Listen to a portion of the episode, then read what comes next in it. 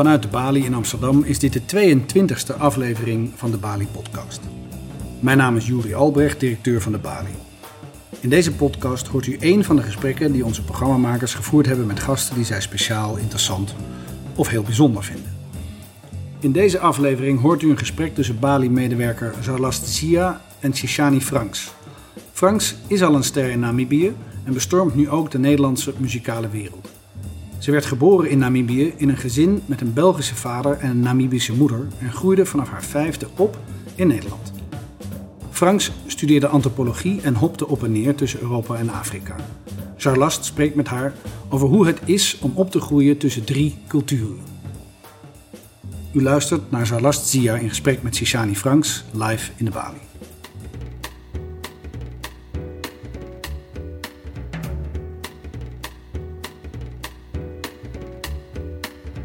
Hoe is dat om op te groeien eh, tussen drie culturen? En is het zo dat je je nooit ergens echt thuis voelt? Ik kan zeggen dat ik me nu ontzettend thuis voel in heel veel plekken. En dat heeft ook wel te maken met dat uh, er niet altijd bij hebben gehoord. Uh, dus in het begin, ja, als kind is dat vooral moeilijk als puber, als het zo belangrijk is om je identiteit kenbaar te maken. Ook omdat heel veel mensen jou de vraag stellen van oké, maar waar kom je nou echt vandaan? Of uh, ben je, are you more white or are you more black? Are you more European? Are you more African?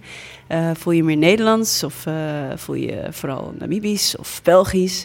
Er zijn meer mensen die jou de hele tijd vragen stellen, niet zozeer jij als persoon. Dus je werd gedwongen om er op vroege leeftijd al over na te denken, ja, over je eigen identiteit? absoluut. Want ik uh, kwam dan uh, in, uh, in Groningen op school en mensen hebben dan altijd de vraag van... oké, okay, waar kom je nou vandaan? Omdat we dan direct gewoon uit Namibië daar begonnen, een weekje later. En we spraken de taal niet, dus mensen waren natuurlijk heel nieuwsgierig. En overal waar ik kwam, of het nou de sportvereniging was, of buren, of een nieuwe school, of de middelbare school, mensen hebben altijd vragen voor je van oké, okay, waar kom je vandaan? En dan leer je dus je, je levensverhaal uh, in een soort van uh, one-minute pitch uh, te geven, omdat je het zo vaak doet. En, en um, ja, ik, ik moet zeggen dat ik het nu gewoon heel leuk vind om, om juist te voelen dat ik van heel veel plekken uh, elementen gewoon heel mooi vind en meeneem. En dat ik dat gewoon zie als me thuis voelen ergens. Dus in Amsterdam hier lekker op mijn fietsje mijn ding doen. Ik voel me helemaal Amsterdammer. Als ik in Namibië ben, in Windhoek, en ik ben met mijn vrienden of met mijn familie, dan I feel completely at home. Ook als ik in België ben uh, en ik neem een biertje op een terras in Hoegaarden uh, met familie, dan ja, kan ik me daar ook thuis voelen. Dus ik, ik heb juist geleerd om me thuis te voelen. En los van die one-minute pitch, wanneer mm -hmm. heb je echt de tijd genomen om je in je eigen verschillende achtergronden te verdiepen? Uh, ik denk dat ik er gewoon altijd mee bezig was. Dus uh, kijkend naar mijn ouders die uit totaal verschillende culturen komen en, en hoe ze soms elkaar echt niet begrepen, omdat de een vanuit één framework uh, denkt en de ander dus ook uit haar eigen cultuur denkt. Ik zag heel veel botsingen vaak. Um, maar het was grappig, want ik begreep ze dan allebei. Dus ik, ik was heel erg bezig met het positioneren van mezelf. Kijken wat ik nou vond of hoe, waar ik het mee eens ben. Want soms zijn er gewoon culturele verschillen over bepaalde onderwerpen. En um, nou, als puber was ik er heel sterk mee bezig. Juist omdat ik altijd terug wilde gaan naar Namibië. Ik had altijd die, die nieuwsgierigheid. Omdat uh, nou, ik kwam hier op mijn vijfde en het was dan niet echt duidelijk van waarom we nu in één keer in Nederland zaten. En uh, dus het was nu ja, het was denk ik deel van het proces om, om daar echt mee bezig te zijn. En dan is muziek voor mij natuurlijk de, de manier geweest om, om het te uiten, om daar mee bezig te zijn. Uh, en eigenlijk sinds het project Namibian Tales, wat, uh, wat ik in 2015 uh, begon met, met Shaheen During, percussionist, mm -hmm. uit Amsterdam. Um, was het juist heel specifiek kijken naar de tradities, de, de muzikale tradities uit Namibië. En daarmee bezig zijn, wat voor mij dan ook weer nieuw was. Omdat ik met voornamelijk westerse muziek ben opgegroeid. Dus dat was een heel duidelijke switch om muzikaal echt met, een andere, met andere culturen uh, bezig te zijn. Dus met verschillende culturen uit, uit Namibië ook. En heeft je muziek dan je identiteit gevormd verder? Of heeft juist je identiteit meer invloed gehad op je muziek? Ja, ik, of zijpelt dat het is een beetje de kip of het ei verhaal. Ik denk dat ja. het echt samen loopt. Dus in die reis naar, um, naar gewoon muziek maken, kom je erachter dat, of kwam ik erachter, ik, ik heb zoveel interesses. En het maakt me echt niet uit wat voor genre iets is. Ik ga het niet doen omdat ik dan meer Namibian ben. Of meer European ben. Of, dus het is echt uh, vanuit gewoon interesse om, om iets te leren kennen. En zo kom je er inderdaad ook gewoon wel achter door um, je echt te verdiepen in muziek. Uh, hoe jij daar tegenover staat. Dus ons laatste project um, is een samenwerking met, met vier grootmoeders uit de Kalahari. En uh, we hebben dan samen een album opgenomen, Kalahari mm -hmm. Encounters. Um, en die hele reis was voor ons allemaal nieuw. Want het, het, is, het is een, um, ja, een samenleving, een cultuur wat zo ver van me afstond... dat ik ook gewoon complete stranger was. Al zaten we in Namibië. Mm -hmm. Dus daarin kwam ik ook mezelf weer tegen dat ik zoveel... Um, Europese opvattingen en manieren heb. Uh, ik bedoel, simpele voorbeelden. We hebben onze tent uh, opgezet toen we daar nou ja, gingen werken en research doen en, en, en repeteren. En uh, s ochtends kwamen die vrouwen schreeuwen naar ons toe. En we dachten, wat is hier gebeurd? En ze wezen naar de grond en we zagen nog niks. En er stond een grote olifantenpoot naast de tent. Dus we mm. waren bijna vertrappeld. En ze zeiden, je moet nooit je tent naast een water, naast een kraan zetten. Weet je, en dat zijn dingen it's Weet common sense for them, maar voor ons was het gewoon van, oh, weet je wel, dat soort en dan kom je jezelf tegen van, wauw, dat zijn gewoon uh, dingetjes waar ik dan niet mee opgroei, omdat ik niet in die setting ben, ben groot geworden. Mm -hmm. en, uh, en bijvoorbeeld ook met performance, weet je, we, we, hebben de hele groep dan meegenomen naar Windhoek. We hebben daar dan uh, live shows gedaan en daar ook het live album opgenomen. En nou ja, net voor het concert gingen zij lekker op het podium zitten, uh, Shaggy roken. En uh, ik had zoiets van, you're on the stage, you should not be on the stage. The performance didn't start yet, oh my god. Ja. En zij keken daar naar me van, uh, what is your problem? Dus dat hele concept van on en off stage was... Dat bestond niet. It, it doesn't make sense, ja. weet je wel? En dat zijn dingen die, waarvan ik dan dacht van, oh wow, ja, ik ben daar ook mee gewoon opgegroeid. En ik heb geleerd dat als je op het podium staat, dat er iets gebeurt of dat je iets presenteert en dat something happens to the space. Maar dat is me ook aangeleerd, maar dat, dat heb ik dan veel meer mee van, van de stads, gewoon een stadskind zijn en, en in die ja, soort van framework van, van cultuur opgroeien, terwijl zij dan heel andere ideeën hebben. Dus daarin kwam ik mezelf heel sterk tegen. Maar maakt het jou ook adaptiever naar allerlei culturen, juist omdat je een achtergrond hebt van ja, zeker. meerdere? Zeker. Ik bedoel, ik heb zoveel uh, situaties meegemaakt, ook met mijn familie in Namibië, dat, dat ik uh, nou ja, een soort van ruzie begon, omdat ik het zo niet eens was met hoe dingen uh, gedaan werden. En was het vooral uh, ja, de, de, verhoudingen tussen mannen en vrouwen. En dat ik daar gewoon niet mee om kon gaan. En dan vanuit de Nederlandse cultuur dat je, dat je dingen bespreekt en overlegt. En dat is echt niet overal zo. Um, dus het is zeker door die confrontaties, of door in België te zijn en, en met familie te zijn. En dan wel allerlei vooroordelen over Afrikanen te horen. Terwijl je denkt: uh, oké, ik zit hier naast je. Uh, ik ben familie, uh, weet je, we zijn vrienden en toch praat je. Hoe ga je daarmee om? Spreek je je dan uit? Of? Nou, nu wel. Nu, ik bedoel, ik ben nu 31. Uh, je, je, kan je nu, je, ik kan nu mijn vrouwtje staan. Um, maar als kind is dat heel raar, want je weet ook niet zo goed wat je moet zeggen, hoe je het moet zeggen. Je weet niet wat je argumenten zijn. je weet ook niet hoe je je echt daarbij voelt. Je voelt je enigszins beledigd, maar je weet dat mensen het niet zo bedoelen. Dus je slikt heel veel dingen in. En nu begin ik juist heel vaak uh, het gesprek daarover. Wat ook weer naar, naar best wel uh, confronterende en soms nare ervaringen lijkt, ook binnen de familie. Um, dus dat, ja, dat, dat is nu gewoon een, een, een, een, nieuwe fase voor mij om me juist daarover uit te spreken. Maar hetzelfde als, als mensen uh, iets zeggen van, nou ja, die Lani's, wat betekent blanke mensen in Namibië?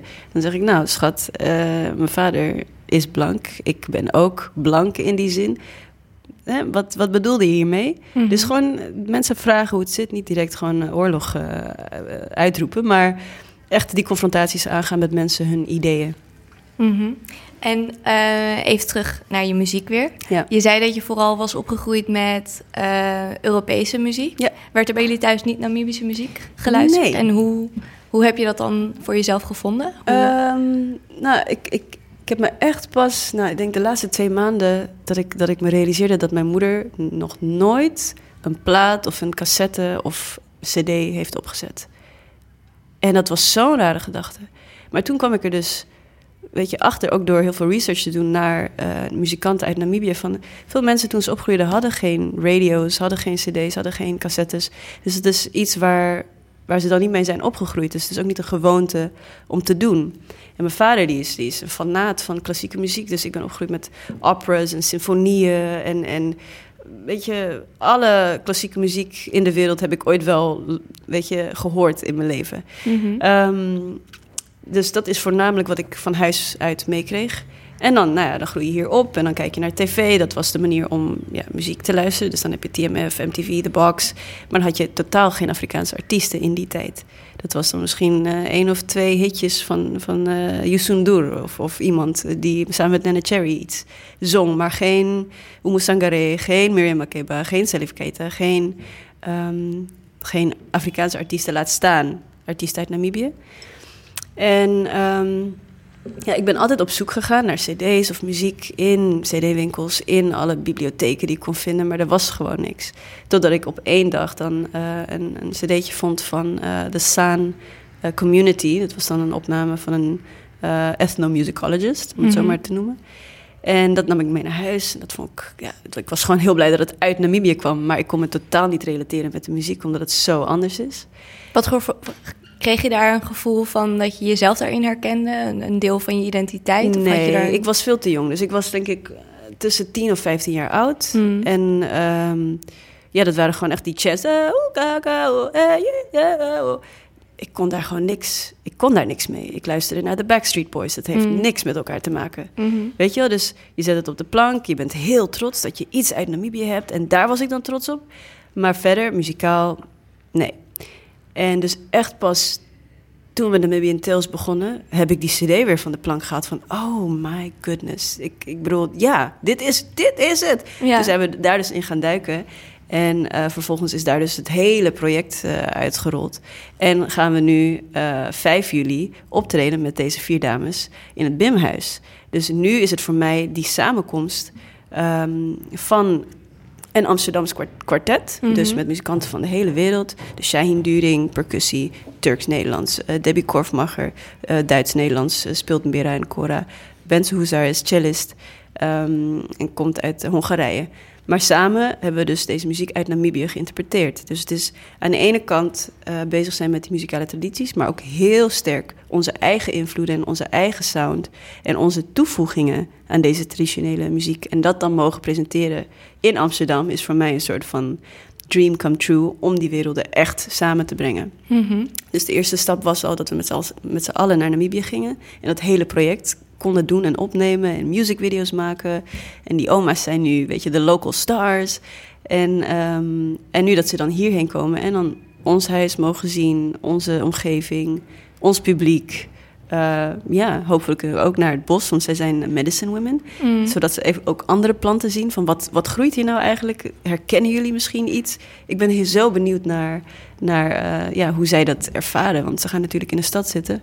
Maar ik hoop dat we tijd hebben om ook naar natuur te kunnen gaan. Zodat Mhm. ze ook daar de verschillen in kunnen ervaren. Mooi. Dat je hen die ervaring ook kan geven die jullie daar Precies, dat, hebben gehad. dat was echt de bedoeling. Dus het is een, een cultural exchange. Ja. Echt in die zin van ja, we were at your homes. En ik ben zo blij dat ze ook hier kunnen komen. En dat ze echt gewoon eh, bij ons thuis kunnen komen. Ja. En ehm, je bent met nog een heel mooi project bezig. Samen met onder andere Andrea Voets Ja, en absoluut. Helberg. Yes. Ehm, kan je me daar wat meer over vertellen? Third Culture Sounds? Ja.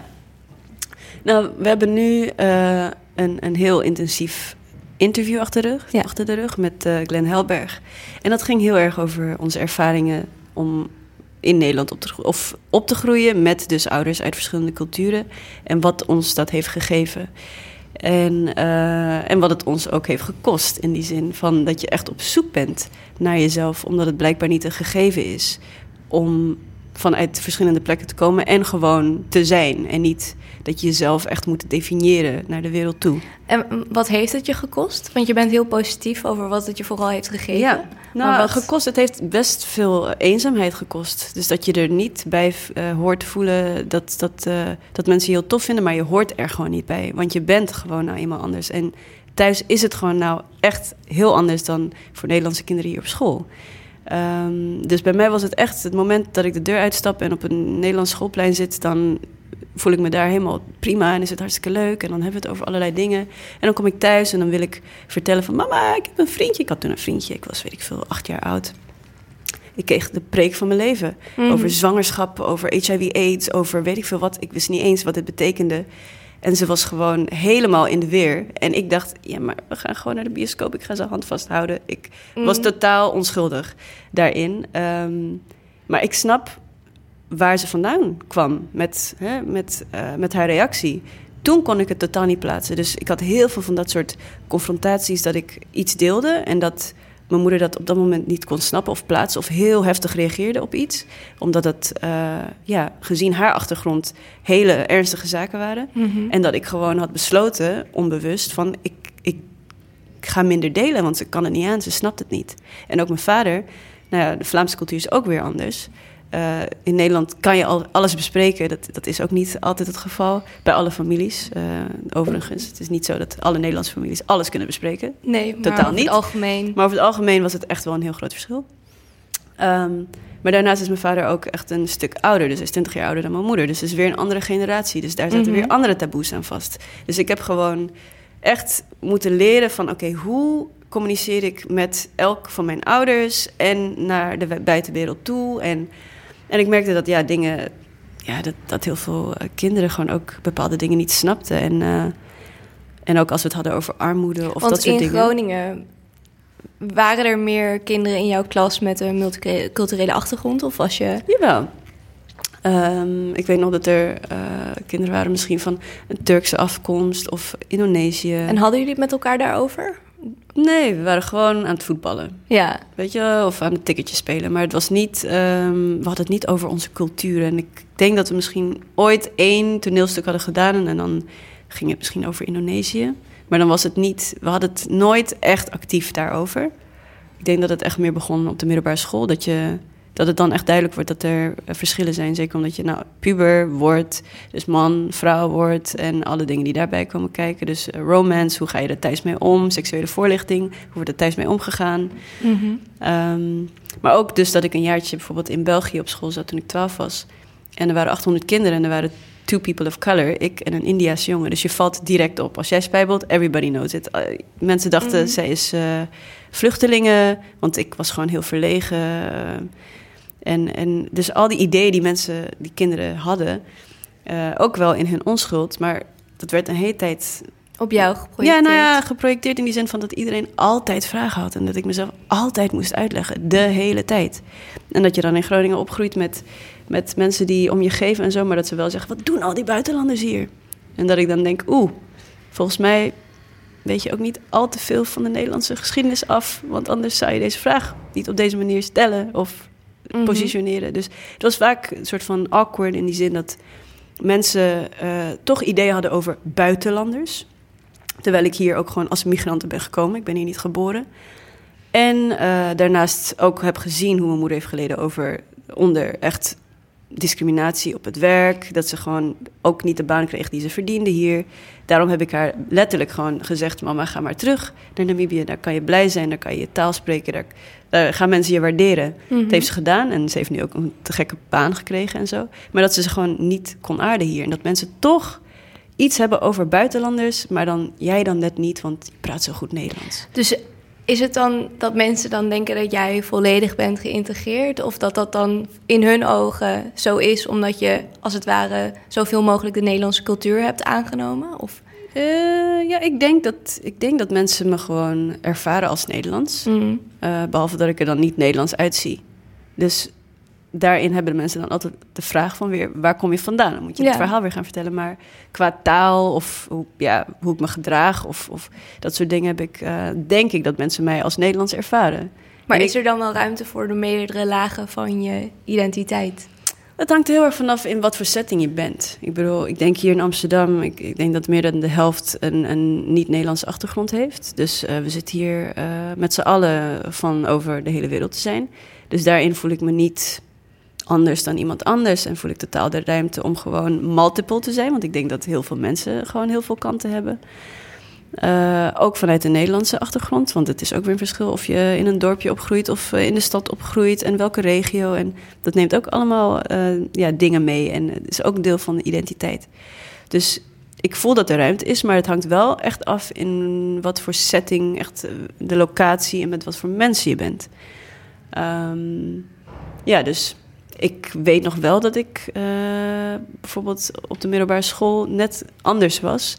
Omdat ik dan uit Namibië kwam en de meeste van de, van de leerlingen zijn Nederlands. Dus, en ik was ook een van de weinige colored people op het Predinisch Gymnasium mm toen er tijd. En viel ik ook weer buiten de boot bij andere vriendinnen die, like women of color, omdat ik uh, op het Predinius zat. Dus laten we zeggen, ja, je doet gymnasium en de meeste mensen krijgen toch uh, uh, MAVO-HAVO-advies. Wat, wat ook gewoon... Ik, zit, ik zat op die school omdat mijn ouders echt hebben gepusht... Mhm. om mij daar te krijgen. En daarom ben ik zelfs naar België gegaan. Heb ik daar een jaar gezeten en ben ik weer teruggegaan om gymnasium te kunnen doen. En met heel veel van mijn vrienden was het wel gewoon al die stereotypes die we nu zien in het onderwijs. Je krijgt een lager advies omdat je van een andere achtergrond komt. Dus daarin was er dan ook weer een soort van cultuurverschil. Want jij zit dan op het gymnasium. Nou, dat uh, heeft ook allemaal ideeën van uh, dat zijn kakkers en dit en dat mm -hmm. en da da da. Uh, daar viel ik dan ook weer buiten de boot. Bij mijn vriendinnen, die dan ook vanuit verschillende plekken kwamen of uh, geadopteerd waren. Of, weet je wel, dus ik heb altijd een soort van tussenwerelden uh, gezeten. En nu vind ik dat eigenlijk superleuk, omdat ik van alles een beetje kan, kan nemen en proeven. Ja, en voor, voor de mensen die zich ook zo voelen, ook tussen werelden in, ja. um, zijn jullie natuurlijk ook met dit project bezig, met Third Culture Sounds. Ja. En hoe komt dat dan tot uiting? Wat, wat, waar werken jullie naartoe? Nou, we werken naar samen componeren. En het zijn, zijn dus vier muzikanten uit totaal andere uh, culturele achtergronden en muzikale achtergronden. Mhm. Mm -hmm. Dus daarin al een taal vinden met elkaar is hard werk. Want je moet echt nou, samen tot een sound komen, samen tot composities komen, samen tot een verhaal komen. Maar ik denk dat veel van onze verhalen best op een lijn zitten. Niet zozeer in ons levensverhaal, maar wel in hoe we onszelf hebben gevonden. Dus dat je op den duur niet meer bezig bent met ergens bij te horen, maar gewoon sterk in jezelf wil staan. En dat, dat is dan een deel van de boodschap. Dus uh, we gaan nog beginnen aan het muziek maken. Dus ik, ik kan daar nog niks over vertellen. Mm -hmm. um, maar ik heb het idee dat het gewoon super leuk wordt, omdat het gewoon ook te gekke muzikanten zijn allemaal. Uh, maar daar zit vooral de, de spanning en, en um, uh, op een goede manier spanning. Hè? Dat ik denk, wauw, hoe gaat dat weer uitpakken? Mm -hmm. um, en ja, zeg maar. Nee, wat heeft zo'n sessie met Glenn je bijvoorbeeld heel erg gebracht? Wat voor nieuwe inzichten over jezelf? Want dat ging heel erg de diepte in over. Ja, um, nou, het interessante was dat ik gewoon al een tijd, een aantal maanden bezig was met, met, ja, met mezelf, met mijn familieverhaal, met, ja, met van alles en nog wat. En dat ik heel sterk ermee bezig was in mijn hoofd en, en antwoorden vinden. Of uh, weet je, een soort van uh, uh, transitie in mezelf naar hoe ik me voel en hoe ik ook met mijn ouders communiceer. En, en nou ja, dingen die misschien mis zijn gegaan vroeger, daar toch een soort van, um, hoe zeg je dat, peace in vinden. Mm -hmm. um, en in dat, ja, in dat interview ging, ging het inderdaad over hoe we mentaal zijn omgegaan met, met al die verschillen de hele tijd. Dus dat was heel confronterend om dan van hem te horen dat hij zei van... omdat ik mijn ouders deed het naar elkaar aan het vertalen was... dat, dat hij zei van, so actually you were parenting your parents. En dat sloeg bij mij in als een bom. Weet Mhm. je wel, van, uh, oh echt waar? Huh? Dus dat zette mij aan het denken. En dat heeft wel allerlei dingen ja, losgemaakt in mij. Waar ik nu nog steeds mee bezig ben. Dus hè, dat je gewoon, en ik denk dat het voor meer mensen, hoe ouder we worden, zijn we daar gewoon mee bezig. Van oké, ik ben wie ik ben, maar wie zijn mijn ouders? Of wie heeft mij gevormd tot wie ik ben? En waarom doe ik dit? En waarom denk ik zo? En waarom handel ik zo? Waarom reageer ik zo?